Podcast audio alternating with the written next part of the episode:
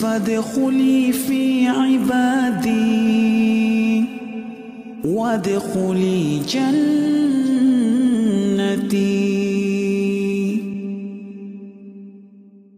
Baik, langsung saja kita serahkan kepada Pak Ustadz Abdul Taslim. Pada Ustadz, dipersilakan Ustadz. Tahu Barakallahu fikum. Wafikum barakallah. Alhamdulillah. Assalamualaikum warahmatullahi wabarakatuh. Waalaikumsalam warahmatullahi Innal hamdalillah nahmaduhu wa nasta'inuhu wa nastaghfiruh wa na'udzu billahi min shururi anfusina wa min sayyiati a'malina. May yahdihillahu fala mudhillalah wa may yudlil fala hadiyalah. Wa asyhadu an la ilaha illallah wahdahu la syarika lah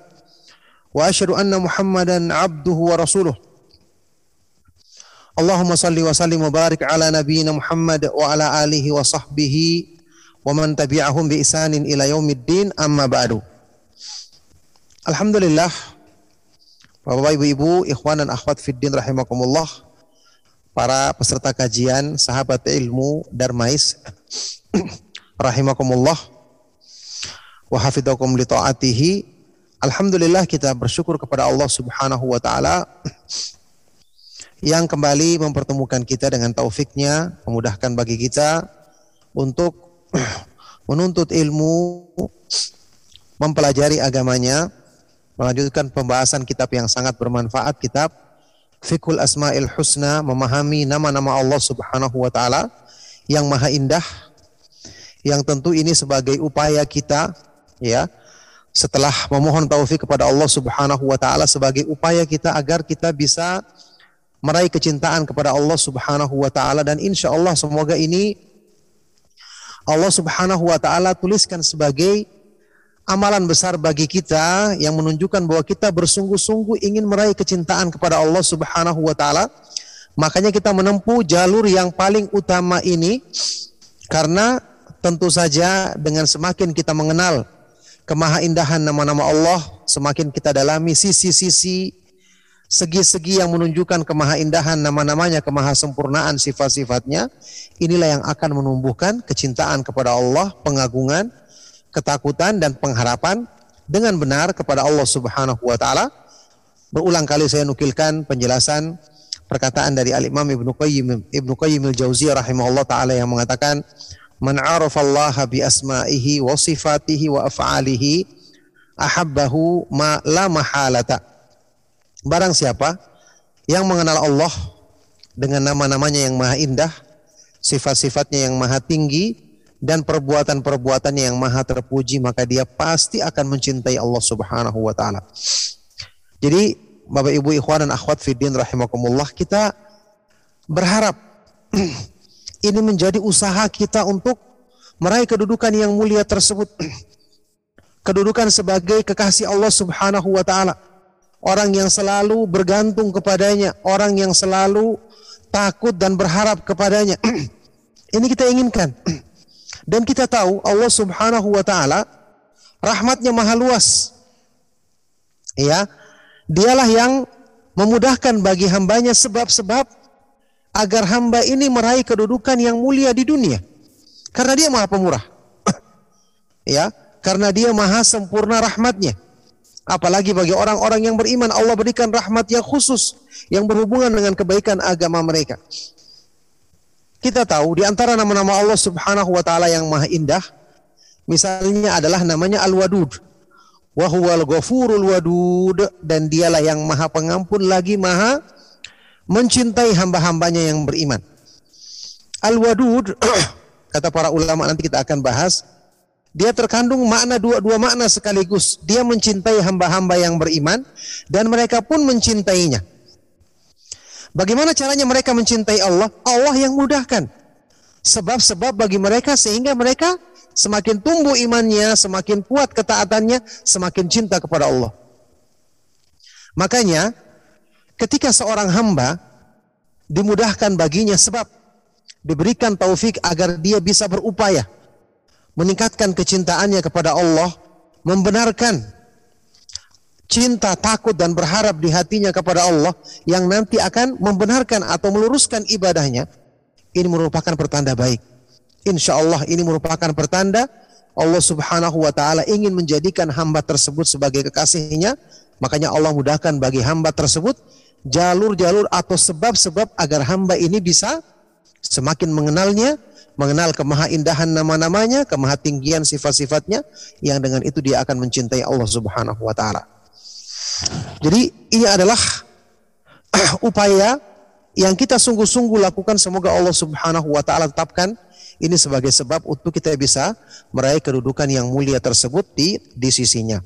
Tapi barakallahu fikum para ikhwan dan akhwat fiddin rahimakumullah kita akan lanjut kembali membaca kitab fikih al-asmaul husna atau fikhul asmail husna fikih memahami nama-nama Allah yang maha indah tulisan dari guru kita syekh kita Syekh Abdul Razak bin Abdul Muhsin Al-Badr hafizahumullah taala. di sini di pertemuan terakhir di yang lalu telah dijelaskan bahwasanya mengenal Allah itu ada yang sifatnya fitrah manusia, sekedar menetapkan di hati. Kemudian ada mengenal Allah yang semakin dikuatkan ya dengan belajar Islam, belajar Al-Quran, belajar Sunnah Rasulullah SAW dengan pemahaman para sahabat inilah yang menumbuhkan rasa malu, cinta, ketergantungan hati, selalu rindu untuk bertemu Allah, mendekatkan diri kepadanya. Inilah pengenalan diri yang dimaksud ya pengenalan Allah Subhanahu wa taala yang dimaksud di pembahasan kita ini. Kita lanjut kata Syekh Abdul Razak selanjutnya. Taib, wa hadhil ma'rifatu hiyal mas masdaru likulli khairin wal manba'u likulli fadilatin. Mengenal Allah ini mengenal Allah yang dengan metode seperti ini inilah masdar sumber segala kebaikan.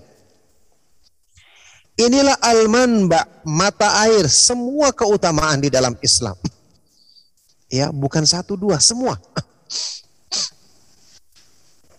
Saya pernah jelaskan, orang yang mengenal sesuatu yang indah di dunia saja, dia tertarik untuk dekat dengannya, untuk pergi ke tempat tersebut. Di akhirat, orang yang mengenal surga, membaca tentang surga saja, bagaimana motivasi dirinya untuk beramal. Apalagi kalau dia mengenal Allah, pencipta surga yang dia maha indah pasti lebih indah daripada makhluk ciptaannya. Maka segala kebaikan inilah sumbernya. Dan semua keutamaan maka inilah mata airnya. Baik. Walihada fa inna tariqatal Qur'ani fi da'wati ilal haqqi wal huda wa tahdhiri min mawatinil halaki war warrada qaimatun ala fathi abwabi hadhil ma'rifah. Oleh karena itulah kata beliau metode Al-Qur'an ketika mengajak manusia kepada kebenaran mengajak manusia kepada petunjuk kemudian memperingatkan mereka untuk menjauhi tempat-tempat kebinasaan, tempat-tempat yang buruk, yakni menjauhi segala perbuatan maksiat. Metode Al-Quran dalam hal ini adalah qaimatun, dibangun di atas ya membuka pintu-pintu pengenalan Allah ini. ya. Fafil Qur'ani yadhkuru subhanahu min sifati kamalihi wa uluwihi ala arshihi wa takallumihi wa taklimihi wa ihatati ilmihi wa nufudhi masyiatihi ma yad'ul ibada ila luzumil ikhlasi wa tahqiqi tauhidi wal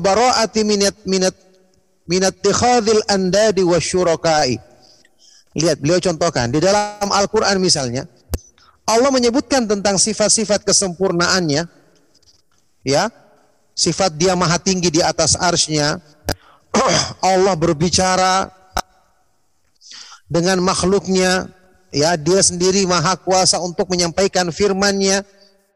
Kemudian ilmu Allah meliputi segala sesuatu kehendak Allah menembus segala sesuatu kalau dia menghendaki pasti terjadi. Ini semua mengajak hamba untuk apa? Menetapi keikhlasan. Untuk mewujudkan tauhid. Untuk menjauhkan diri dari segala sesuatu yang namanya uh, mengambil tandingan-tandingan atau sekutu sekutu bagi Allah Subhanahu wa taala. Jadi semua kebaikan pintunya adalah dengan mengenal Allah Subhanahu wa taala atau melalui jalur pintu ma'rifatullah ini. ya. Beliau di sini ingin menjelaskan bahwa kenapa Al-Qur'an itu metode utamanya adalah menjelaskan tentang nama-nama dan sifat-sifat Allah padahal kita tahu Al-Qur'an adalah sumber petunjuk. Pengajak paling utama dan paling agung kepada kebaikan. Yang paling baik dalam memperingatkan kita dari segala keburukan. Ternyata metode Al-Quran, pun sudah kita bahas beberapa ucapan Ibnu Taimiyah, Ibnu Qayyim dan yang lainnya yang lalu, ya. Ternyata metode Al-Quran yang paling banyak adalah menjelaskan tentang nama-nama dan sifat-sifat Allah Subhanahu wa taala. Sekarang begini. Ketika kita termotivasi atau ingin dimotivasi agar semangat melaksanakan sesuatu. Bisa saja mungkin diterangkan tentang ini balasannya adalah pahala seperti ini, balasannya surga, atau meninggalkan maksiat ini ancamannya neraka, ancamannya keburukannya seperti ini. Tentu ini bisa dan ini motivasi yang benar. Al-Qur'an juga menggunakan metode ini. Tetapi metode yang lebih utama dan terbukti inilah metode yang paling banyak digunakan di dalam Al-Qur'an adalah pendekatan dengan mengenalkan keagungan zat yang kita taati dalam kebaikan tersebut dan mengenalkan kebesaran ya kemahamuliaan kemahatinggian zat yang kita hindarkan diri kita dari perbuatan maksiat karena akan mendatangkan kemurkaannya atau menjauhkan kita darinya. Coba kita lihat dalam kehidupan kita sehari-hari. Dalam kehidupan kita sehari-hari. Kalau kita sekedar misalnya dimotivasi untuk melakukan sesuatu dengan iming-iming, contoh saja, tentu saja perbandingan antara motivasi akhirat sama dunia pasti berbeda. Ini cuma sekedar pendekatan saja. Misalnya kita dimotivasi melakukan sesuatu karena imbalan, misalnya dapat gaji, ya, atau dapat upah langsung, hadiah langsung setelah melakukannya meninggalkan sesuatu misalnya karena akan dipukul, pokoknya diancam. Kita akan bisa tertarik melakukannya atau kita akan takut melakukan sesuatu yang bersifat larangan tadi. Mungkin terjadi. Tapi kira-kira ini akan bertahan lama? Atau kira-kira ini kita akan lakukan sesuatu itu dengan hasilnya maksimal karena kita mengerjakannya dari dalam hati kita? Jawabannya sangat-sangat kemungkinan besar tidak demikian. Kalau sesuatu yang diancam tadi ternyata kita buktikan tidak terbukti ancamannya, kita tidak akan meninggalkan lagi larangan tadi. Kalau sesuatu yang dijadikan iming-iming tadi ternyata kita dapati tidak sesuai dengan janji, ah kita akan malas. Atau mungkin sesuai dengan janji kita sudah sering dapatkan, ya kita akan malas-malasan lagi. Ya, itu kalau pendekatannya sekedar iming-iming atau ancaman saja. Tapi coba kalau pendekatannya dari hati. Ya, orang yang menyuruh kita adalah orang yang memang kita kagumi, orang yang kita cintai, orang yang kita hargai, sudah kita buktikan kebaikan-kebaikannya, sudah kita punya rasa dekat dengan dia. Ketika dia menyuruh kita melakukan sesuatu, tanpa ada imbalan pun kita akan lakukan dari hati. Apalagi kalau ada imbalannya. Subhanallah, ini dalam urusan dunia kita buktikan. ya. Jadi sebenarnya permasalahan kita di dalam Islam, kenapa kita tidak semangat beribadah? Karena kita kurang kenal kepada Allah. Karena kita kurang dekat dengan Allah Subhanahu wa taala. Kalau kita dekat dengan Allah Subhanahu wa taala, kita mengenalnya, ya. Urusan dunia saja orang yang kita sukai, orang yang kita kagumi, kita akan selalu Misalnya dalam urusan-urusan kita, ya, dalam hal-hal yang berhubungan dengan uh, misalnya hal-hal yang diberlakukannya kepada kita dalam urusan dunia, kita akan selalu bersangka baik. Saya pernah contohkan dulu kalau kita punya pimpinan di kantor, di rumah sakit, atau di tempat kita bekerja, seorang pimpinan yang kita sukai, terbukti kerjanya baik, perhatiannya terhadap bawahannya baik, penghargaannya, kasih sayangnya, ya, maka kalaupun dia menetapkan aturan-aturan, memperlakukan ketentuan-ketentuan, kita akan selalu bersangka baik kepada dia. Dalam hal bekerja kita akan tunaikan dengan sebaik-baiknya. Tapi kalau orang yang kita tidak kenal, atau bahkan kita kenal dengan keburukan, pasti akan berbeda sikap kita. Ini manusia dalam kehidupan sehari-hari. ya. Kenapa misalnya dalam urusan misalnya mengimani takdir Allah Subhanahu wa taala orang mengeluh ketika ditimpa musibah, ditimpa bencana, mengeluhkan kemiskinan, kekurangan, mengeluhkan sakit. Kenapa dia mengeluh? Karena ketika dia mengeluh dia tidak sadar bahwa ya apa yang menimpa dirinya ini dia keluhkan karena tidak sesuai dengan keinginannya. Seandainya ditanyakan sama dia, apakah keinginan Anda pasti baik? Apakah keinginan Anda mesti mendatangkan kemaslahatan? Ya. Kemudian ditanyakan kepadanya, yang menentukan atau menakdirkan hal ini terjadi pada diri Anda adalah zat yang maha sempurna pilihannya, maha sempurna kasih sayangnya. Maha sempurna kebaikan-kebaikannya. Lebih baik daripada apa yang kita inginkan untuk diri kita sendiri. Pilihannya lebih baik daripada apa yang kita inginkan untuk diri kita sendiri. Semakin kita dalami, kita renungkan hal ini, pasti kita akan semakin mudah menerima ketentuan takdir tersebut sewaktu kita merenungkannya. Allah menimpakan musibah sama saya. Tapi Allah itu maha penyayang. Allah itu maha pengasih. Ya, Sementara diriku memilih ini. Memangnya diri kita punya sifat kasih sayang. Nafsu kan bahkan disebutkan amarotun bisu. Selalu memerintahkan kepada keburukan. Kita dahulukan yang mana? Pilihan dari yang maha penyayang dengan keinginan jiwa kita yang selalu mengajak kepada keburukan.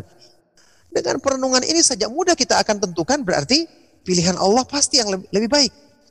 Itu dalam urusan ketentuan takdir yang diberlakukannya. Belum lagi urusan hukum-hukum dalam agamanya. Ini semua ya. Jadi ini semua kembali kepada perenungan.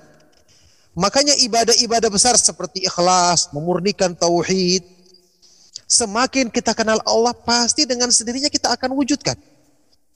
Ya. Sekarang orang yang bergantung kepada makhluk ini sudah kita contohkan berkali-kali. Sederhana saja dia melihat makhluk ini bergantung kepada Allah. Dia sendiri penuh dengan kekurangan.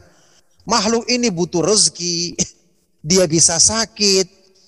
Kalau dari jauh tidak bisa mendengar suara, kadang-kadang dia sendiri juga lalai. Masa kita bergantung sama dia padahal kita sama seperti dia dalam kekurangan tersebut. Adapun Allah Subhanahu wa taala Maha mendengar, Maha kaya, semua perbendaraan ada di tangannya, Maha pemberi rezeki, Allah tidak pernah lalai, tidak pernah lupa, Maha mendengar, Maha melihat. Kenapa kita harus bersandar kepada makhluk yang kurang untuk meninggalkan yang maha sempurna? Kan kita contohkan berkali-kali beberapa pertemuan yang lalu. Waktu Nabi Ibrahim alaihissalatu wassalam yang merupakan bapaknya ahli tauhid. Sewaktu dia membantah syubhat di kaumnya. Cukup dengan dia mengatakan kepada bapaknya, "Ya abati limata lima ta'budu ma la yasma'u wa la yubsiru wa la yugni anka syai'an." Wahai ayahku, kenapa kamu menyembah kepada berhala yang tidak bisa mendengar, tidak bisa melihat dan tidak bisa mencukupimu? Dia sendiri butuh kecukupan. Ngapain minta sama dia? Ya, ketika dia mendakwai kaumnya, qala hal yasma'unakum id tad'un aw yanfa'unakum aw yadurrun. Wahai kaumku, apakah berhala-berhala ini bisa mendengar kalian ketika kalian minta? Apakah berhala-berhala ini bisa memberikan manfaat, kebaikan kepadamu atau mencegah kemadharatan? Berhala-berhala yang saja dihancurkan tidak bisa membela diri apalagi membela orang lain. nah, dengan cara pandangan seperti ini kita semakin mengenal Allah, semakin mengenal kesempurnaannya. Pasti semakin kuat pengenalan kita kepada Allah, hati kita akan semakin kuat bergantung kepadanya dan tidak akan lagi bersandar kepada makhluk karena kita tahu ternyata makhluk sama lemahnya dengan kita. Makhluk sama lemahnya, sama lemahnya dengan kita. Nah, baik. Contoh berikutnya dibawakan di sini oleh Syekh Abdul Razak. Wa yadhkuru lahum min awsafi kamalihi wa nu'uti jalalihi ma yajlibu qulubahum ilal mubadarati ila da'watihi wal musara'ati ila ta'atihi wat tanafusi fil qurbi minhu wa luzumi dzikrihi wa syukrihi wa husni ibadatihi Sebagaimana Allah Subhanahu wa taala menyebutkan di dalam Al-Qur'an kepada hamba-hambanya tentang sifat-sifat kemahatinggiannya, sifat-sifat kemaha sempurnaannya yang ini akan yajlibu qulubahum akan memotivasi hati mereka untuk bersegera mengikuti seruannya. Akan menarik hati mereka untuk bersegera mengikuti seruannya bersegera menjalankan ketaatan kepadanya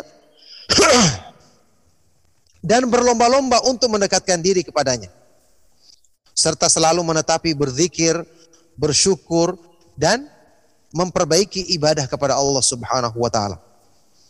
Pasti sesuatu yang kita cintai kita ingin dekat. Sesuatu yang kita cintai sering, sering kita ingat dan kita sebut. Ya.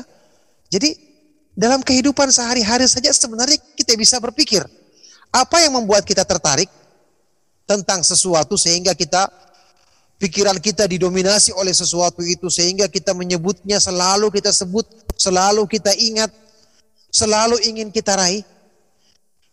Kita berpikir kalau dalam urusan dunia yang bagaimanapun indahnya sesuatu tetap terbatas keindahannya, tapi bisa membuat hati kita demikian tertarik, apalagi Allah Subhanahu wa taala yang maha sempurna kemahaindahannya.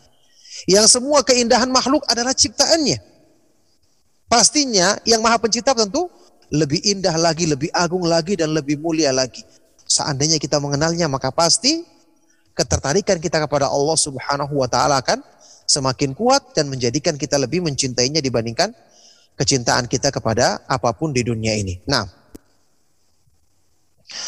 wa yadhkuru sifata sifatihi aidan inda targibihi lahum wa tarhibihi wa takhfihi wa takhwifihi liyu'arrifal quluba man takhafuhu wa tarjuhu wa targhabu wa tarhabu minhu Sebagaimana Allah Subhanahu wa taala juga menyebutkan sifat-sifatnya ketika targib memotivasi hamba-hamba dalam kebaikan.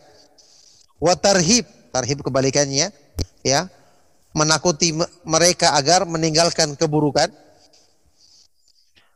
supaya Allah Subhanahu wa taala mengenalkan kepada hati-hati hambanya siapa yang pantas mereka takuti, siapa yang seharusnya mereka harapkan, siapa yang harusnya mereka ingin gapai keridoannya dan siapa yang seharusnya mereka lari dari sebab-sebab kemurkaannya. Jadi ini semua manfaatnya. Inilah kenapa dikatakan ilmu ini adalah ilmu yang paling agung seperti yang tadi kita sebutkan di awal. Inilah insya Allah pintu yang Allah bukakan bagi kita orang-orang yang ada perhatian untuk mempelajari ilmu ini. Pintu yang Allah bukakan bagi kita agar kita bisa mencintainya. Karena hati kita selama ini lelah dan capek. Selalu diisi dengan ketertarikan, kekaguman kepada makhluk. Padahal itu tidak bermanfaat bagi hati, bahkan bisa mencelakainya. Kalau tidak didominasi dengan cinta kepada Allah Subhanahu wa taala, ketundukan, ketakutan dan pengharapan kepadanya. Nah, tapi lanjut kata beliau, masih contohnya wa yadhkuru sifatihi aidan 'inda ahkamihi wa awamirihi wa nawahihi liyu'azzimal ibadu amrahu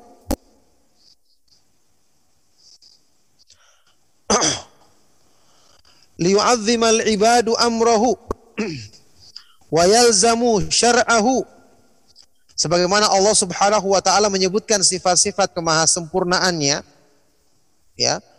Allah juga menyebutkan sifat-sifat kemahasempurnaannya ketika menyebutkan atau menjelaskan tentang hukum-hukumnya perintah dan larangannya. Supaya apa? Agar hamba-hamba ini mengagungkan perintah Allah dan berpegang teguh dengan syariatnya. Sekarang ya, itulah sebabnya kenapa dakwah tauhid ini harus didahulukan dibandingkan seruan yang lain. Harus sering dijadikan sebagai prioritas senantiasa dalam dakwah, porsinya paling besar yang disampaikan dibandingkan urusan lain. Kenapa? Kalau kita bicarakan urusan lain, perintah dalam agama, apalagi larangan, contoh penjelasan masalah riba, kalau kita jelaskan, orang-orang awam masih susah menerimanya. Karena menurut dia ada keuntungan baginya, apalagi dia butuh untuk pinjam uang, memenuhi kebutuhannya, meskipun dengan itu dia harus membayar lebih. ya, ketika menjelaskan masalah ini, itu alangkah indahnya kita sebutkan dengan kita ingatkan dengan sifat-sifat keagungan Allah, kebesaran Allah, kita yakinkan pada hatinya. Allah itu maha kaya, melakukan hal-hal yang dilarang, dilarangnya pasti tidak akan mendatangkan kebaikan karena Allah melarang tentu dengan sifat-sifat kesempurnaannya dengan pengetahuannya yang maha sempurna bahwa ini nanti akibatnya akan buruk. Kalau kita yakinkan kepada mereka sifat-sifat keagungan dan kebesaran Allah ini, pasti dengan itu hatinya akan sadar dan meninggalkan keburukan tersebut memang dari hatinya karena dia mengetahui alasan yang masuk akal setelah dia mengenal Allah Subhanahu wa taala, mengenal kemahatinggiannya, kemahasempurnaannya. Jadi beda dengan orang yang tidak mengenal hal ini. ya, mungkin dia meninggalkan sementara. Kalaupun dia meninggalkannya, nanti ketika ada kebutuhan mendesak dia ulang lagi. Karena tidak ada sesuatu yang menjadikan dia faham. Kenapa sih saya harus meninggalkan? Tidak ada yang dia takuti ancamannya dari hatinya bahwa meninggalkan perbuatan ini ya akan menyelamatkan kita dari bukan cuma adab Allah Subhanahu wa taala tapi juga keburukan-keburukan hidup yang Allah Maha mengetahui dan Allah telah peringatkan bahwa itu akan dialami oleh seorang hamba ketika mereka melakukan pelanggaran terhadap apa yang uh, dilarang oleh Allah Subhanahu wa taala. Jadi subhanallah, itulah sebabnya perkara-perkara yang berhubungan dengan iman iman itu harus dijelaskan dengan benar, harus didahulukan. ya. Sekarang kalau kita membahas tentang perkara-perkara yang berhubungan dengan urusan agama saja. Belum tentu orang melaksanakannya karena takut kepada Allah. Bisa jadi karena ada yang diinginkan dari ya kepuasan hawa nafsunya. Kita tahu di dalam syariat Islam tentu saja ada perkara-perkara yang ketika diamalkan seseorang itu merasa didukung keinginannya, makanya dia semangat.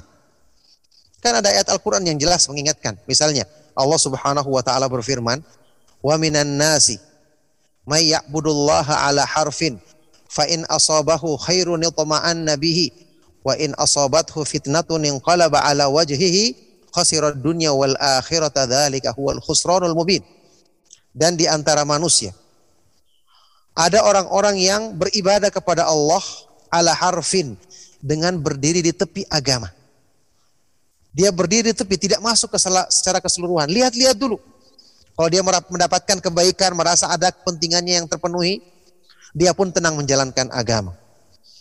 Tapi kalau dia ditimpa keburukan, ditimpa fitnah, merasa tidak terpenuhi keinginannya, maka dia pun berpaling, meninggalkan agama. Inilah orang yang rugi dunia akhirat dan inilah kerugian yang nyata. Banyak perkara-perkara dalam Islam ketika dijelaskan hanya sekedar penjelasan yang tidak disertai dengan penekanan masalah ikhlas, penekanan untuk cinta kepada Allah, takut dan berharap. Banyak akhirnya menjadi ya semacam uh, apa ini bumerang bagi orang-orang yang tidak memahaminya dengan benar. Contoh saya sekarang sederhana. Kalau kita bahas mengenai masalah hak-hak suami dan istri. masalah hak-hak suami dan istri. Suami dan istri mengikuti pengajian, penjelasan tentang hak-hak suami dan istri. Jelas ini penjelasan yang indah. Masya Allah disyariatkan, apalagi dibawakan dalil Al-Quran, contoh akhlak Rasulullah SAW dengan istri beliau, kemudian contoh para sahabat perempuan dalam hal melayani suaminya, luar biasa indahnya. Tapi ketika orang yang mendengarkannya, ya tidak ada atau kurang penekanan iman atau kurang uh, tumbuhnya kebaikan iman sebelumnya pada dirinya, apa yang terjadi ketika pulang?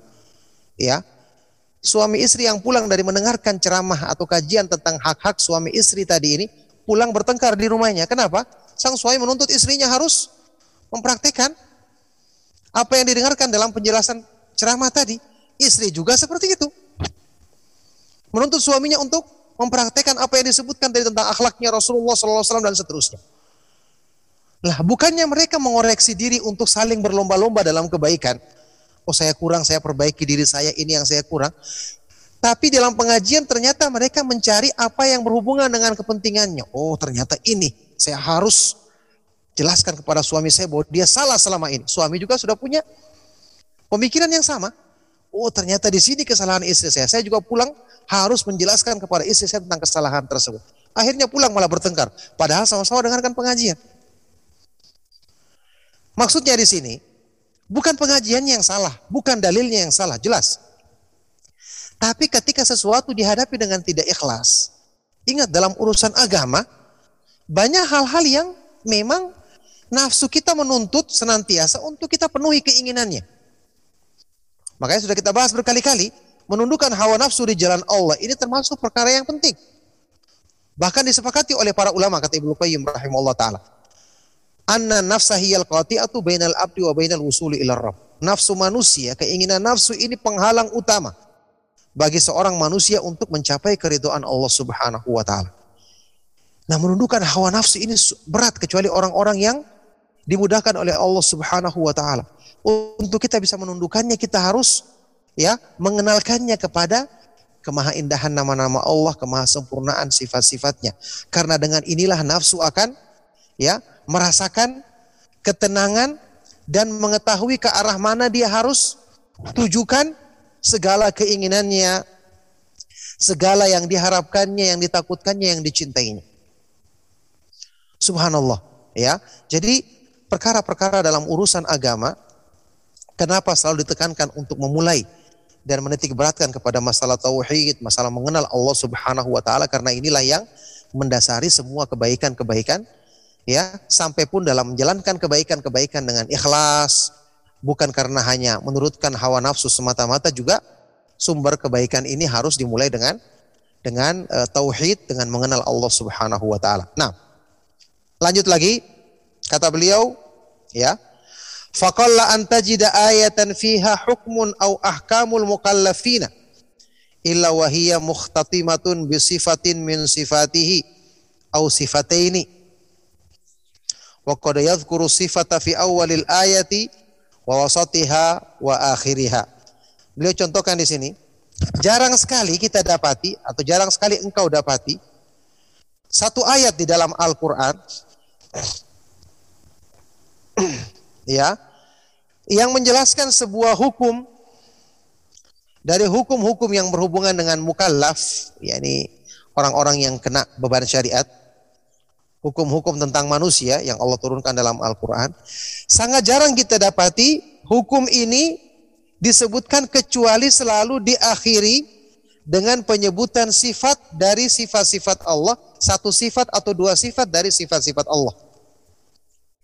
Kadang-kadang Allah sebutkan sifatnya di awal ayat, kadang-kadang di tengahnya atau di akhirnya. Contoh misalnya di surat Al-Mujadilah, Al-Mujadilah ayat yang pertama, ya. Surat Al-Mujadilah ayat yang pertama, Allah Subhanahu wa taala berfirman, "A'udzubillahi minasyaitonir rajim." Qad sami'a Allahu qaulal lati tujadiluka fi zawjiha wa tashtaki wa tashtaki ila Allahi wallahu yasma'u tahawurakuma. Innallaha sami'u basir. Sungguh Allah telah mendengarkan ucapan seorang perempuan yang mengadukan kepadamu menyebutkan kepadamu tentang perlakuan suaminya dan dia mengadu kepada Allah dan Allah Subhanahu wa taala mendengarkan percakapan kalian berdua. Sesungguhnya Allah Subhanahu wa taala mendengar lagi Maha melihat. Masya Allah disebutkan tentang masalah hukum yang berhubungan dengan peristiwa sebab turunnya ayat ini Allah menyebutkan beberapa sifat-sifat sifat-sifatnya yang maha indah dan nama-namanya yang maha tinggi. Nama-namanya yang maha indah dan sifat-sifatnya yang maha tinggi. Ini contoh bahwa hukum-hukum Allah Subhanahu wa taala akan semakin mudah kita amalkan dengan benar setelah kita semakin mengenal nama-nama dan sifat-sifat Allah. Tapi contoh berikutnya wa yadhkuru sifatihi inda su'ali ibadihi li rasulihi anhu. Wa yadhkuruha inda su'alihim lahu an ahkamihi. Wa ahkamihi wa ahkamuhu kulluha qa'imatun li dzikri asma'ir rabbi wa sifatihi hatta inna salata la tan'aqidu illa bi dzikri asma'i wa sifatihi. Bi dzikri asma'ihi wa sifatihi Fadzikru asma'ihi wa sifatihi ruhuha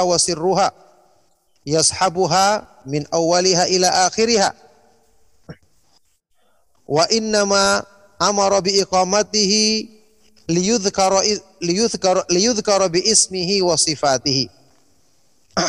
Kata beliau di sini, Allah juga misalnya menyebutkan sifat-sifatnya ketika hamba-hambanya bertanya kepada Rasulnya Shallallahu Alaihi Wasallam tentang Allah. Ya, Allah sebutkan sifat-sifatnya. Misalnya sebab turunnya surat Al-Ikhlas.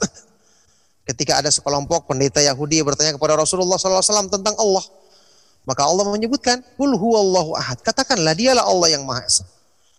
Ya, Allahu Samad. Allah tempat bergantung semua makhluknya karena sifat-sifatnya maha sempurna. Ini Allah sebutkan jawaban di ayat-ayat Al-Quran ini dengan menjelaskan sifat-sifat kesempurnaannya. Sebagaimana Allah menyebutkan tentang sifat-sifatnya, ketika hamba-hambanya bertanya kepada Rasul Rasulnya Shallallahu Alaihi Wasallam, ya tentang hukum-hukum dalam urusan agamanya. Ada hukum tentang haid, tentang harta rampasan perang semua. Mereka bertanya kepada Muhammad Rasulullah tentang ini. Allah senantiasa sebutkan di ayat ini dalam rangkaiannya ada penjelasan nama-nama dan sifat-sifatnya. Dan hukum-hukum Allah semuanya dibangun di atas penyebutan nama-nama Allah yang maha indah dan sifat-sifatnya yang maha tinggi. Sampai contohnya misalnya kata beliau, sholat tidak akan bisa dimulai, tidak akan bisa terikat orang dianggap melaksanakannya kecuali dengan menyebut nama-nama Allah Subhanahu wa taala dan sifat-sifatnya. Pertama salat kita harus ucapkan apa? Takbiratul ihram, Allahu akbar. Sebut nama Allah Subhanahu wa taala yang maha besar. Setelah itu setiap gerakan kita harus sebut Allahu akbar. Ada juga sami Allahu liman hamidah. Ini juga menyebutkan sifat-sifat kesempurnaan Allah Subhanahu wa taala. Ya. Maka menyebut nama-nama Allah dan sifat-sifatnya ini adalah ruh salat dan inti, rahasia intinya salat yang selalu menyertai sholat ini dari awal sampai akhirnya. Dan bahkan hanyalah diperintahkan kita mendirikan sholat untuk kita senantiasa menyebut nama-nama Allah subhanahu wa ta'ala dan sifat-sifatnya. Wa akimis sholata lidikri, kata Allah dalam Al-Quran. Dirikanlah sholat untuk mengingat Allah, untuk menyebut Allah. Jadi tujuan sholat didirikan adalah agar kita selalu menyebut dan mengingat Allah Subhanahu wa taala ya ini menyebut kemahaindahan nama-namanya, kemahatinggian sifat-sifatnya. Wa dan demikianlah keadaannya di semua ketaatan, semua amal-amal ketaatan dan semua jenis-jenis ibadah untuk mendekatkan diri kepada Allah. Fama'rifatul asma'i was sifati asasus sa'adati wal madkhalu likulli khairin wat taufiqu biyadillahi wahdah. Maka mengenal nama-nama Allah yang maha indah dan sifat-sifatnya yang maha tinggi, ini adalah landasan utama segala kebahagiaan, pintu masuk dari semua kebaikan dan taufik ada di tangan Allah Subhanahu wa taala semata-mata. Alhamdulillah selesai bagian kedua dari penjelasan tentang keutamaan ilmu tentang nama-nama dan sifat-sifat Allah Subhanahu wa taala. Tinggal satu bagian lagi, ya bagian yang ketiga kita akan selesaikan insya Allah di pertemuan berikutnya. Mudah-mudahan apa yang kita bahas dan kita kaji di malam hari ini bermanfaat untuk kebaikan kita dan untuk sebab-sebab yang menjadikan kita semakin dekat dengan Allah Subhanahu wa taala, semakin menyempurnakan keimanan kita kepadanya. Saya cukupkan sampai di sini untuk kita lanjutkan dengan sesi tanya jawab insya Allah. Saya persilakan. Sallallahu wasallam wa barak ala nabiyina Muhammad wa ala alihi wa sahbihi wa man tabi'ahum bi isanin ila yaumiddin walhamdulillahi rabbil alamin. Nah, Alhamdulillahirrahmanirrahim. Jazakallah khair pada Pak Ustadz telah memaparkan lanjutan dari kajian kita mengenai fikih Asmaul Husna. Alhamdulillah banyak sekali faidah dan ilmu yang kita dapat pada malam hari ini dan selanjutnya kita akan uh, melanjutkan dengan sesi tanya jawab ya. Sudah ada beberapa pertanyaan baik itu di kolom chat dan kebetulan sudah ada yang ingin bertanya secara langsung, present kita dahulukan terlebih dahulu ya Pak Ustadz ya. Pada Akhleo Abu Sajid, tafadhol. Alhamdulillah, jazakallahu khairan moderator. Assalamualaikum warahmatullahi wabarakatuh Ustaz. Assalamualaikum warahmatullahi Barakallahu fiik Ustaz. Barakallahu fikum juga buat jamian semua. Ustaz terkait uh, ketika kita berdoa uh, dengan menyebut nama Allah sebelumnya dan uh, memuji nama namanya uh, itu ada beberapa sebutan nama yang uh, afdolnya itu seperti apa ya Ustaz ya misalnya uh, ya Allah ya Rahman ya Rahim atau ya Hayyu ya Qayyum atau ya ya Rozak atau ya Allah dengan nama-namamu yang husna uh, yang husna dan sifat-sifatmu yang mulia atau seperti apa gitu Ustaz asannya agar uh, doa-doa kita lebih diijabah gitu Ustaz. Itu aja Ustaz. Jazakallah khair Ustaz. Tahu Ustaz. ya, barakallahu fikum. Pertanyaan yang sangat baik sekali. Semoga Allah Subhanahu wa taala senantiasa melimpahkan kebaikan kepada antum yang bertanya dan juga kepada kita semua. Ya. Ketika kita ingin mengamalkan berdoa kepada Allah dengan nama-namanya yang maha indah, seperti yang Allah perintahkan di dalam firman-Nya, "Walillahil asmaul husna fad'uhu biha." Dan Allah memiliki nama-nama yang maha indah, maka berdoalah kalian kepada Allah dengan nama-namanya yang maha indah ini. Pertama kita mempraktekannya dengan benar tentu setelah kita mengenal, mempelajari kandungan dari nama-nama Allah yang maha indah ini. Karena tidak akan bisa kita praktekkan sesuai dengan permintaan kita dalam doa kita kecuali setelah kita mengetahui kandungan maknanya. Jangan sampai nanti salah sebut seperti yang saya pernah contohkan. Orang minta pengampunan Allah, tapi dia meminta sifat Allah yang berhubungan dengan kerasnya siksaannya. Ya, misalnya ada yang berdoa, "Ya Allah, ampunilah dosa-dosaku, sesungguhnya Engkau Maha keras siksaanmu." Kan tidak sesuai. Ya. Sebutkan nama Allah yang sesuai. nah, semakin kita banyak memahami dan mengenal makna dari nama-nama dan sifat-sifat Allah. Nanti kita akan ada kajiannya sudah kita sebutkan, kajian inti dari kitab ini insya Allah. Semakin banyak kita sebutkan, maka kita sebutkan nama-nama Allah sekian, ya satu, dua atau tiga nama Allah yang berhubungan dengan permintaan kita. Contoh Maha Pengampun, ya minta ampunan dosa, minta dimaafkan dosa kita kan ada nama Allah Al-Ghafur Maha Pengampun, At-Tawwab Maha Penerima Taubat, Al-Afu Maha Pemaaf. Kemudian ini juga termasuk Pemaafan Allah kan termasuk makna rahmatnya. Berarti kita sebut Ar-Rahim. Maha sempurna rahmatnya, kasih sayangnya. Masya Allah semakin banyak kita sebutkan, maka tentu ini akan semakin baik. Semakin kita memuji Allah subhanahu wa ta'ala dengan nama-nama tersebut akan dan juga akan nanti semakin memudahkan kita untuk uh, doa kita dikabulkan oleh Allah subhanahu wa ta'ala. ini secara umum. Ada yang lebih khusus jawaban dari masalah ini misalnya berdasarkan hadis-hadis Rasulullah Shallallahu Alaihi Wasallam yang menyebutkan keutamaan uh, membaca uh, apa ini bacaan-bacaan semacam pembukaan doa yang di situ terkandung nama Allah yang paling agung. Nama Allah semuanya agung, semuanya maha indah, semuanya maha tinggi. Cuman ada yang disebut dengan Ismullahil A'zam. ada beberapa hadis Rasulullah SAW Ketika Rasulullah SAW mendengarkan sahabat ada yang berdoa dengan doa ini sebelum berdoa memulai dengan puji-pujian ini apa kata Rasulullah SAW? Wallahi laqad da'a da'allaha bismihil a'zam alladhi idza du'iya bihi ajaba wa idza su'ila bihi a'ta. Demi Allah sungguh dia ini telah berdoa kepada Allah dengan menyebut namanya yang paling agung al-a'zam yang ketika hamba berdoa dengannya Allah akan kabulkan doanya dan ketika hamba meminta dengannya maka Allah akan berikan permintaannya. Nama Allah yang maha yang paling agung ini adalah ya ada yang mengatakan itu adalah Allah. Ada juga yang mengatakan Ibnu Qayyim rahimahullah taala mengatakan Al-Hayyu Al-Qayyum. Ada juga yang mengartikan bukan cuma satu nama, tapi ini nama-nama Allah yang punya kandungan makna yang luas. Yang jelas saya pernah tulis tentang masalah ini dan juga ada pembahasannya sebenarnya di sini di awal-awal pembahasan. Saya juga pernah tulis dimuat di majalah As-Sunnah beberapa tahun yang lalu. Di internet juga ada judulnya nama Allah yang yang paling indah. Kalau kita baca uh, beberapa hadis-hadis yang menyebutkan hal ini, ini lebih baik lagi. Karena pasti sudah terkandung di dalamnya nama Allah yang paling indah.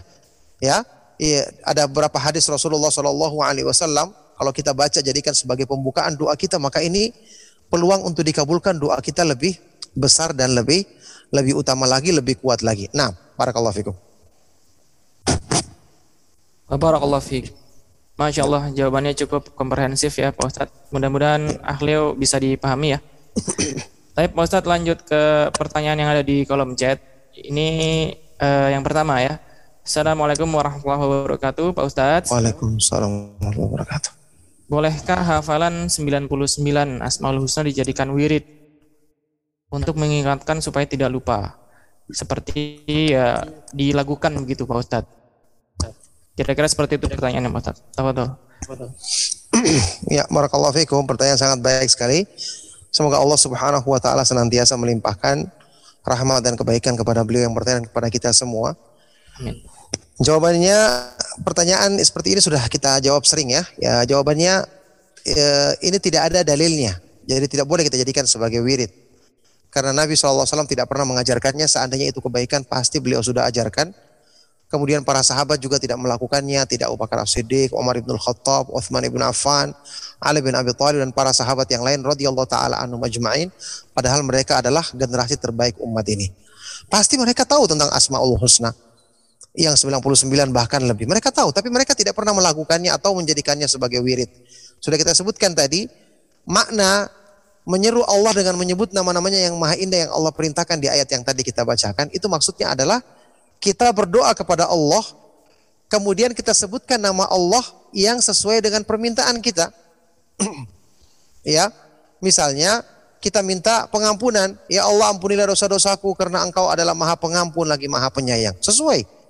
Ya Allah bukakanlah pintu-pintu kebaikan bagiku karena Engkau adalah Al-Fattah, Maha Pembuka pintu-pintu kebaikan. Dan seterusnya. ya, misalnya ya Allah berikanlah balasan kepada orang-orang yang mendolimi kaum muslimin, orang-orang yang melakukan keburukan-keburukan makar terhadap kaum muslimin karena sesungguhnya engkau adalah azizun zuntiqam. Engkau adalah maha perkasa dan memiliki memiliki pembalasan pembalasan yang sangat kuat. Ini sesuai dengan apa yang kita sebutkan di dalam doa kita kita sebutkan nama dan sifat-sifat Allah Subhanahu wa taala yang berkesesuaian dengan permintaan tersebut. Nah, barakallahu fikum. Wa barakallahu fiik Ustaz. Jazakallahu khair atas ya. jawabannya. Pertanyaan berikutnya. Ustadz, apabila sholat kurang fokus dibandingkan yang sebelumnya, apakah berhubungan dengan dosa-dosa sebelumnya atau dosa-dosa di hari itu juga? Seperti itu Pak Ustadz. Mohon penjelasannya. Jazakallah. Ya, barakallahu fikum. Berhubungan dengan semua. Selama dosa tersebut belum dia mohon ampun kepada Allah Subhanahu wa taala baik dosa yang lalu ditambah lagi dosa yang hari ini ya tentu akan semakin menjauhkan dia dengan Allah Subhanahu wa taala. Ya. Cuman di samping masalah dosa juga tadi hubungannya dengan masalah iman tadi. Dosa kan jelas mengurangi iman, merusak iman. Ya. Sebab yang menumbuhkan iman adalah yang paling utama sudah kita bahas masalah mengenal Allah Subhanahu wa taala. Semakin kita mengenal Allah menjadikan kita semakin khusyuk di dalam salat kita. Ya, makanya kata Imam Ibnu Rajab Al-Hambali rahimahullah taala, "Man kana billahi a'rafan kana lahu akhsya." Siapa yang dia itu lebih mengenal Allah, lebih memahami tentang nama-nama dan sifat-sifat Allah, otomatis dia akan semakin khusyuk, semakin khusyuk di dalam salatnya. Ya, makanya ada beberapa kesalahan kesalahpahaman tentang masalah khusyuk yang disebutkan oleh sebagian orang ini perlu diluruskan sebenarnya. Makanya saya pernah menulis sebuah tulisan yang berjudul meluruskan kesalahpahaman tentang khusyuk di dalam sholat ini juga ada di internet bisa kita baca ya. Karena yang paling inti yang berhubungan dengan masalah khusyuk itu adalah mengenal Allah Subhanahu wa taala. Ya termasuk tentu saja banyak mengamalkan ketaatan dan menjauhi perbuatan perbuatan maksiat. Nah, barakallahu fikum. Wa barakallahu fiik, Ustadz. Eh, terkait tadi ya yang sholatnya yang kurang khusyuk. Apakah ini terkait dengan adanya azab, cobaan atau musibah dari Allah Pak Ustadz? Nah itu bedanya apa Pak Ustadz ya? Apakah cobaan, apakah azab, apakah musibah begitu Pak Ustadz? Jazakallah khair. Iya, barakallahu fikum. Tidak khusyuk dalam sholat, tidak ikhlas dalam beramal, ini termasuk bagian dari bencana yang Allah berikan kepada manusia ketika mereka jauh darinya. Cuman ini bencana yang bencana yang sangat besar karena berhubungan dengan urusan agama. Maka keburukan-keburukan yang dilakukan oleh seorang hamba secara umum kan Allah sebutkan di dalam Al-Qur'an, "Wa ma asabakum min musibatin fabima kasabat aidikum." Musibah apa saja yang menimpa kamu, maka itu akibat dari perbuatan dosa yang dilakukan oleh tangan-tanganmu sendiri. maka perbuatan dosa menjadikan manusia ditimpakan azab oleh Allah Subhanahu wa taala yang sekaligus ini bisa menjadi peringatan dari Allah. Ya, supaya kita diingatkan bahwa kita punya banyak kesalahan, kita punya banyak dosa, harusnya kita semakin merendahkan diri kepada Allah, banyak memperbaiki diri. Makanya ketika Allah Subhanahu wa taala menghendaki kebaikan bagi hamba-hambanya, ditimpakan cobaan-cobaan tadi. Nah, sekarang kalau pertanyaannya bagaimana kita akan membedakan antara cobaan atau ini adalah azab bencana yang ditimpakan oleh Allah Subhanahu wa taala ini sebagai azab atau sebagai cobaan? Jawabannya tentu tidak bisa kita pastikan. Yang pasti jelas hikmahnya besar, kebaikan yang Allah inginkan dari kita besar. Apa pun uh, ujian yang menimpa, apa ini musibah yang menimpa kita, baik itu adalah azab ataupun itu adalah cobaan, dua-duanya bermanfaat. Kalau itu adalah azab supaya kita segera kembali kepada Allah, segera bertobat. Alhamdulillah adanya cobaan membuat kita menyadari kesalahan. Kalaupun itu adalah ujian dan cobaan, ya, ini justru untuk meningkatkan iman kita.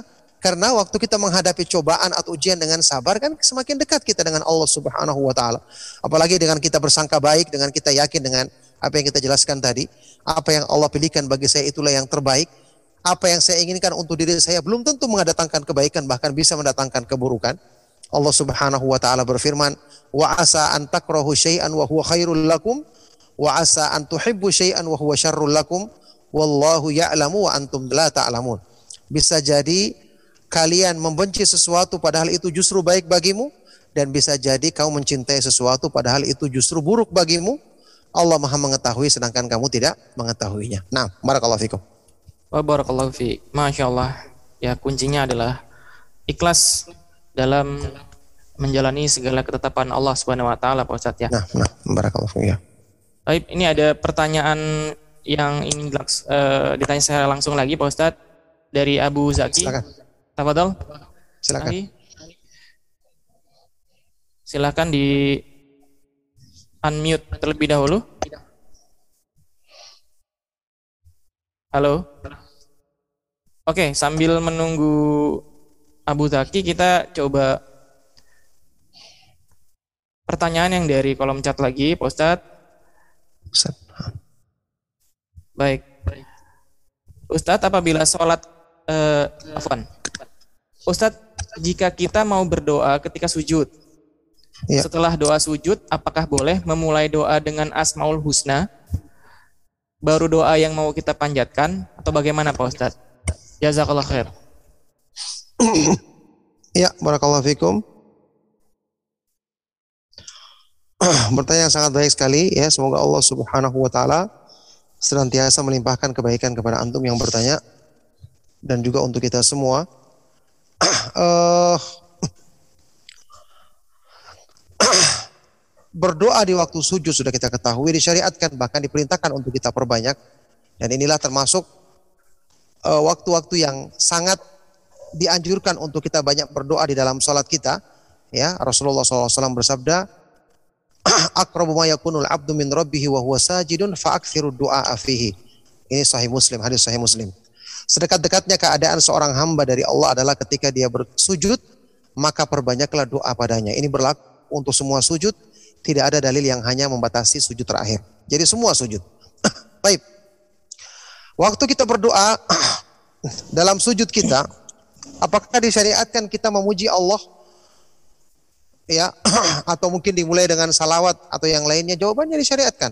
Seandainya kita ada waktu kalau kita salat sendiri kita misalnya perpanjang sujud kita karena bacaan kita panjang boleh. Kita mulai dengan muji Allah bahkan bersalawat karena salawat juga adalah doa dan termasuk sebab dikabulkannya doa. Tapi kalau kita salat berjamaah kan kita tergantung dari imam. Dan sebenarnya waktu kita berdoa kan disyariatkan sebut dulu zikir sujud. Subhana rabbiyal a'la atau subhana rabbiyal a'la wa bihamdi. Atau misalnya zikir yang lain subuhun kudus rabbul malaikati warruh beberapa zikir yang disyariatkan ini kan sudah mengandung pujian kepada Allah. Karena kita berzikir adalah menyebutkan pujian bagi Allah maha suci Allah yang maha agung. Ini sudah cukup sebagai pembukaan baru kita berdoa setelah itu. Ya karena bagaimanapun kita salatnya berjamaah kan tergantung dari imam. Kalau imam sudah bangkit ya berarti tidak boleh berdoa lagi. Supaya kita bisa punya waktu untuk berdoa, kita cukupkan dengan zikir yang ada. Kita sebut subhana rabbiyal a'la misalnya, baru kita berdoa. Ini sudah cukup karena sudah terkandung di situ pujian kepada Allah Subhanahu wa taala dalam zikir tadi. Nah, barakallahu fikum. Wa barakallahu fiik, Pak Ustaz. Ini sudah ada tersambung kembali ya. Ahi Abu Zaki. Selamat malam. Eh, baik, Taib, iya. Terima kasih waktunya. Barakallahu. Assalamualaikum warahmatullahi wabarakatuh, Ustaz. Waalaikumsalam warahmatullahi wabarakatuh. Barakallahu fikum. Silakan. Anak Abu Zaki dari NTT Kupang. Masya Allah. Masya Allah. Masya Allah. Taib, ini saya mau tanya Ustaz. Eh, mengenai sholat khusyuk yang dimasuk khusyuk di sini apakah khusyuk di dalam hatinya ataupun badannya Ustaz? Nah, pertanyaannya bagaimana kalau kita sholat kemudian badan kita ini bergerak artinya gerakan-gerakan yang tanpa kebutuhan. Misal kita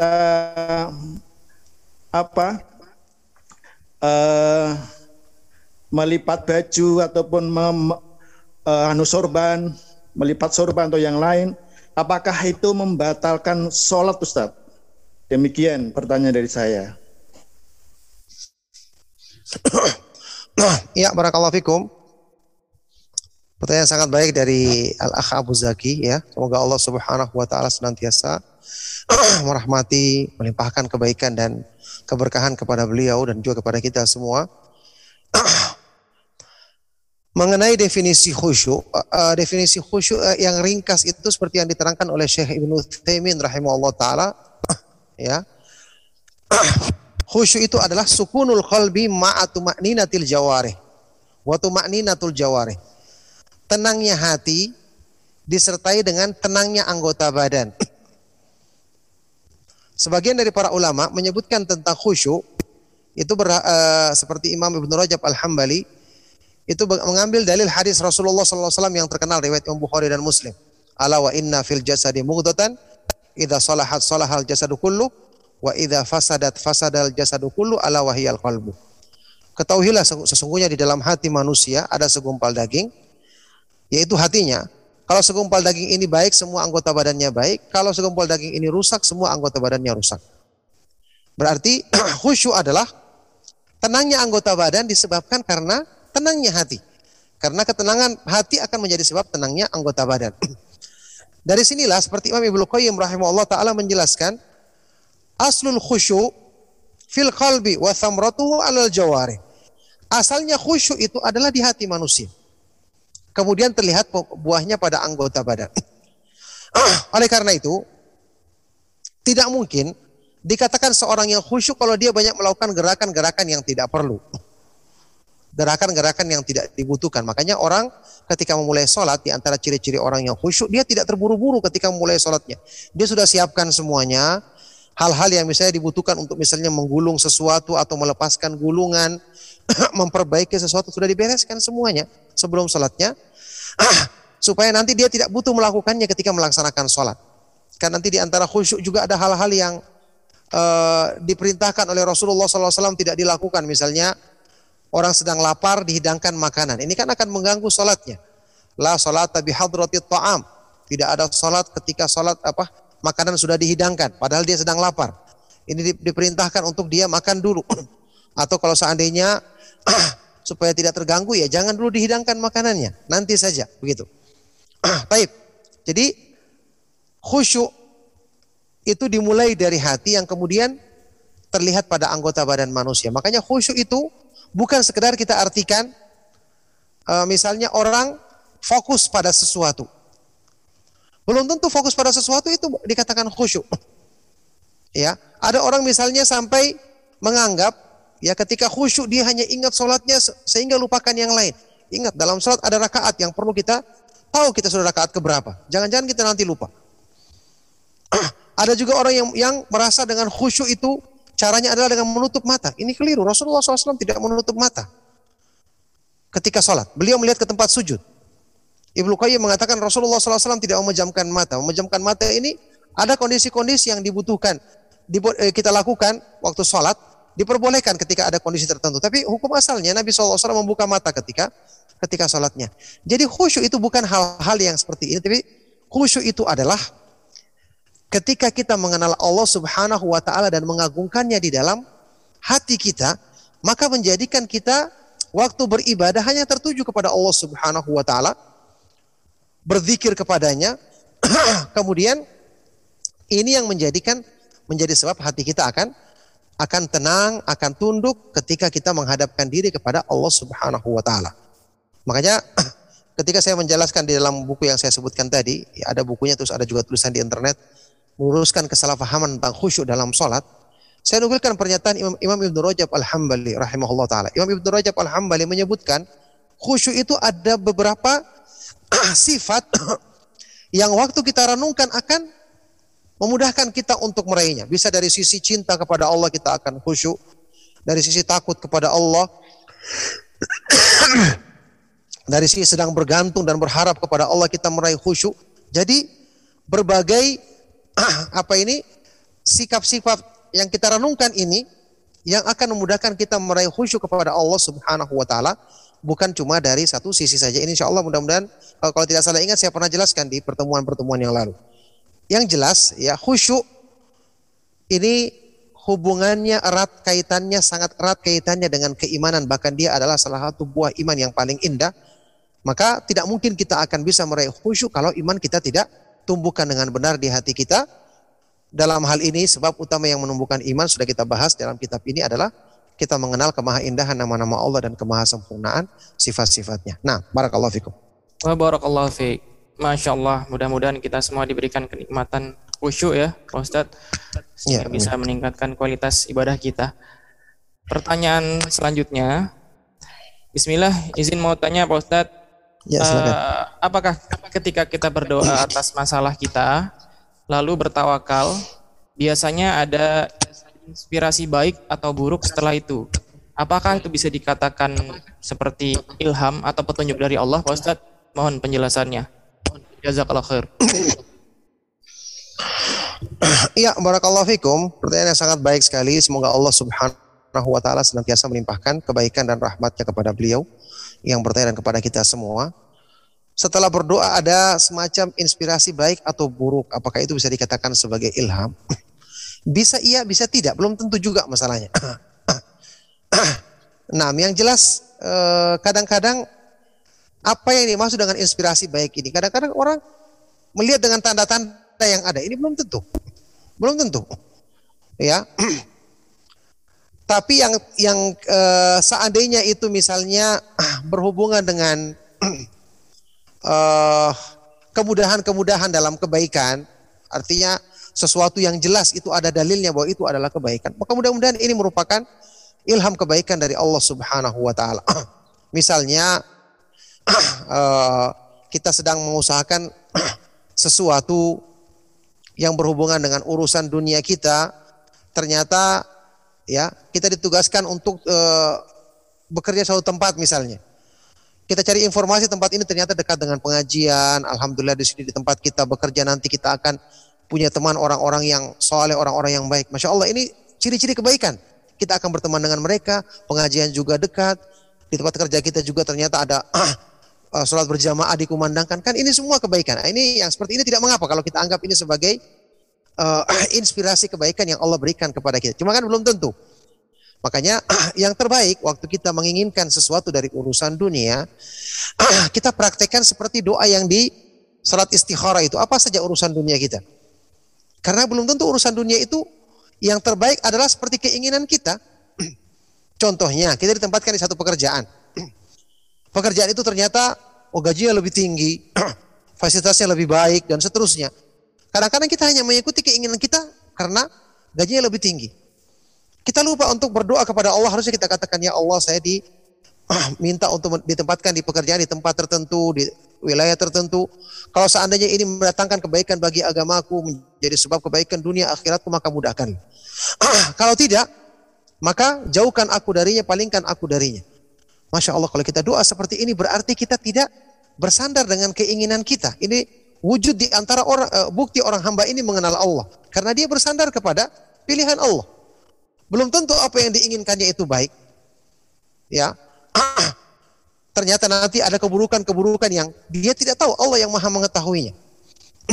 Dan kata Ibnu Qayyim rahimahullah taala kalau orang itu terbiasa berdoa dengan menyerahkan pilihan kepada Allah, maka Allah Subhanahu wa taala akan selalu menuntun dia, menolong dia dalam segala apa pun yang Allah tentukan baginya yang berhubungan dengan pilihan tersebut. Ya kan kadang-kadang ketika kita serahkan kepada Allah, Allah berikan sesuai dengan apa yang kita inginkan. Kadang-kadang juga tidak. Maka dalam dua keadaan ini Allah Subhanahu wa taala akan menolong kita. Akan menolong kita dari resiko pilihan tadi. Ya. Contoh orang berdagang. Pasti semua orang berdagang inginnya laris. Inginnya dapat penghasilan yang la, yang halal kemudian laris, cepat habis dagangannya pasti. Tapi Allah takdirkan dia tidak mendapatkan yang demikian. Misalnya, kalau seandainya waktu dia berdoa dengan cara seperti tadi, ketika dia rugi Allah akan tolong dia, Allah jadikan dia sabar, Allah berikan taufik kepada supaya dia bersangka baik. Oh Allah menginginkan saya kebaikan dari dagang yang lain bukan yang ini. Atau ketika dia berhasil, laris dagangannya misalnya dengan doa seperti tadi, Allah akan tolong dia dari fitnahnya harta, dia tidak lalai, tidak lupa dengan kesibukan mengurus dagangannya sehingga lupa mengingat Allah. Dalam semua keadaan Allah menolong dia. Tapi coba seandainya dia berdoanya beda. Ya Allah lariskan daganganku ya Allah karena ini dagangan Oh saya butuhkan keuntungannya ini ini. Ya Allah mudahkan saya bekerja di sana karena ternyata lebih besar penghasilannya saya bisa begini begini begini. Kalau dia senda, uh, memilih dengan pilihannya sendiri dan Allah takdirkan seperti itu, ada fitnah harta Allah tidak akan tolong dia. Dia akan lalai nantinya kalau Allah tidak tolong dia pasti. Kemudian kalau dia tidak dapatkan keinginannya, dia akan murka, dia akan marah, dia akan tidak terima takdir Allah Subhanahu wa taala, maka Allah tidak akan tolong dia untuk bersabar menghadapi resikonya. Itulah ya, kenapa kita mengenal Allah itu manfaatnya sangat besar sampai dalam doa kita pun kita lakukan hal-hal yang menjadi sebab Allah Subhanahu wa taala akan menolong kita nantinya. Nah, barakallahu fikum. Jazakallah khair Pak Ustadz atas jawabannya. Masih ada waktu sedikit lagi, kita bacakan pertanyaan selanjutnya. Ya, silakan. Um, Oke, okay. mana tadi? Oke, okay. ini kayaknya sudah dijawab mungkin pertanyaan sebelumnya ya Pak Ustadz, tapi agak ya. beda sih sedikit sih. Bolehkah oh. dalam sujud sholat fardu berdoa dengan doa sapu jagat dan permintaan anak soleh di setiap sujud? Apakah itu boleh atau termasuk bid'ah Pak Ustadz? Syukron. Waduh. Iya barakallahu fikum. Pertanyaan sangat baik sekali. Semoga Allah Subhanahu wa taala senantiasa melimpahkan kebaikannya kepada beliau yang bertanya kepada kita semua. Jawabannya boleh. Dari sisi mana dikatakan itu bid'ah? Yang bid'ah itu kalau kita mengkhususkan sesuatu yang tidak ada dalilnya. Kalau kita membaca ini kan tidak mengkhususkan. Kita baca di waktu ini, di waktu yang lain. Karena doa Rabbana atina fid dunya hasanah wa fil akhirati hasanah wa qina adzabannar. Ini doa yang baik. Kalau mungkin dianggap ini kena larangan hadis Rasulullah SAW yang melarang kita membaca Al-Quran ketika sujud. Memang ada perbedaan pendapat di kalangan para ulama. Waktu sujud boleh nggak kita baca doa-doa dari Al-Quran? Karena ada larangan membaca Al-Quran ketika sujud. Jawabannya pendapat yang terkuat dari dua pendapat ini yang dikuatkan oleh Syekh Abdul Aziz bin Bas rahimahullah taala ulama besar kita itu diperbolehkan. Karena waktu kita berdoa ini bukan niat kita membaca Al-Quran. Bukan niat kita baca Al-Quran. Kita hanya mengambil doanya dan doa Al-Quran termasuk doa yang paling baik tentu saja. Ya, jadi diperbolehkan dengan kita tidak meniatkan membaca Al-Quran Karena membaca Al-Quran dilarang waktu sujud.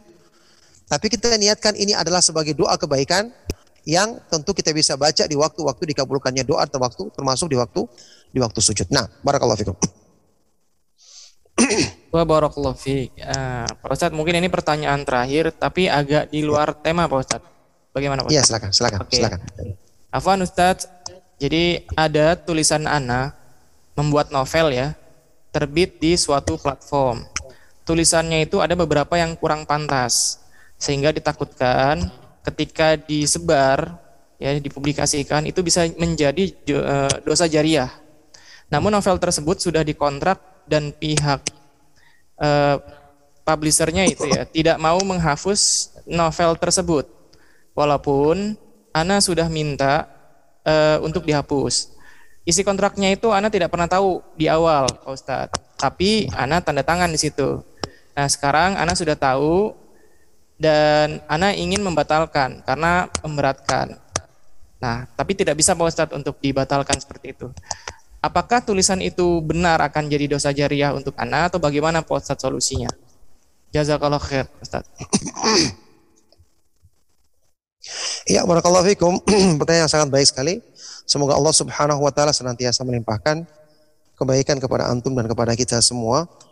Eh saya tidak mengetahui jadi pembahasannya ada berapa yang dibahas sebenarnya ya. Masalah pertama novel itu nanti ceritanya tentang apa? Ini mungkin saya tidak bahas karena tidak termasuk pertanyaan tadi. Jadi saya cuma bahas tentang masalah ada kesalahan dalam novel tersebut yang kalau disebarkan takut menjadi dosa jariah. Ya, ini yang saya bahas jadi. Kalau dikhawatirkan seperti ini dan itu yang menulisnya adalah antum yang bertanya, maka jelas ini bisa ada kemungkinan seperti itu. Ya, kesalahan kenapa tidak baca kontraknya, kenapa tidak teliti sebelumnya atau yang lainnya. ini ya memang kesalahan yang harusnya kita segera tangani saat ini. Kalau misalnya sudah ada kontrak seperti itu yang susah untuk dibatalkan kembali, ya tempuh jalur hukum atau diancam dengan hukum karena saya tidak setuju dengan kontrak tersebut karena ada hal-hal yang saya ternyata tidak bisa lakukan atau memberatkan atau dan seterusnya. ya, dia juga tidak mau menghapus hal yang tadi di, diminta untuk dihapus oleh penulisnya sendiri. Maka ini jelas bisa kita harus usaha maksimal yang jelas. ya, kalau sudah kita usaha maksimal ternyata tidak bisa juga ya. Insya Allah nanti Allah yang akan menilainya kesungguhan kita untuk berlepas diri dari hal tersebut. Cuma yang jelas ini masalahnya kita sendiri yang menulisnya, kita sendiri yang melakukan kontrak tersebut, kita sendiri yang yakni yang digunakan tentu nama kita untuk menyebarkan hal tadi. Maka yang saya bisa eh, anjurkan di sini adalah tempuhlah semaksimal mungkin sebab untuk kita bisa menarik kembali tulisan tersebut kalau jelas-jelas itu menyebarkan keburukan ya bisa menjadi dosa jariah maka berusahalah bersungguh-sungguh untuk bisa menarik kembali atau menjadikan novel tersebut tidak terbit ya kalau perlu dengan jalur hukum atau yang lainnya dan tentu selalu berdoa kepada Allah Subhanahu wa taala agar kita dihindarkan dari segala keburukan.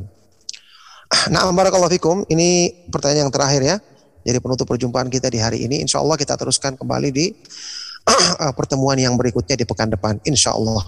Mohon maaf atas segala yang salah dan kurang. Kami cukupkan. Sallallahu wasallam wa barak ala Nabi Muhammad wa ala alihi wa sahbihi wa man tabi'ahum bi isanin ila yaumiddin walhamdulillahi rabbil alamin. Subhanakallahumma wa bihamdika asyhadu an la ilaha illa anta astaghfiruka wa atubu ilaik. Wassalamu alaikum warahmatullahi wabarakatuh. Irji'i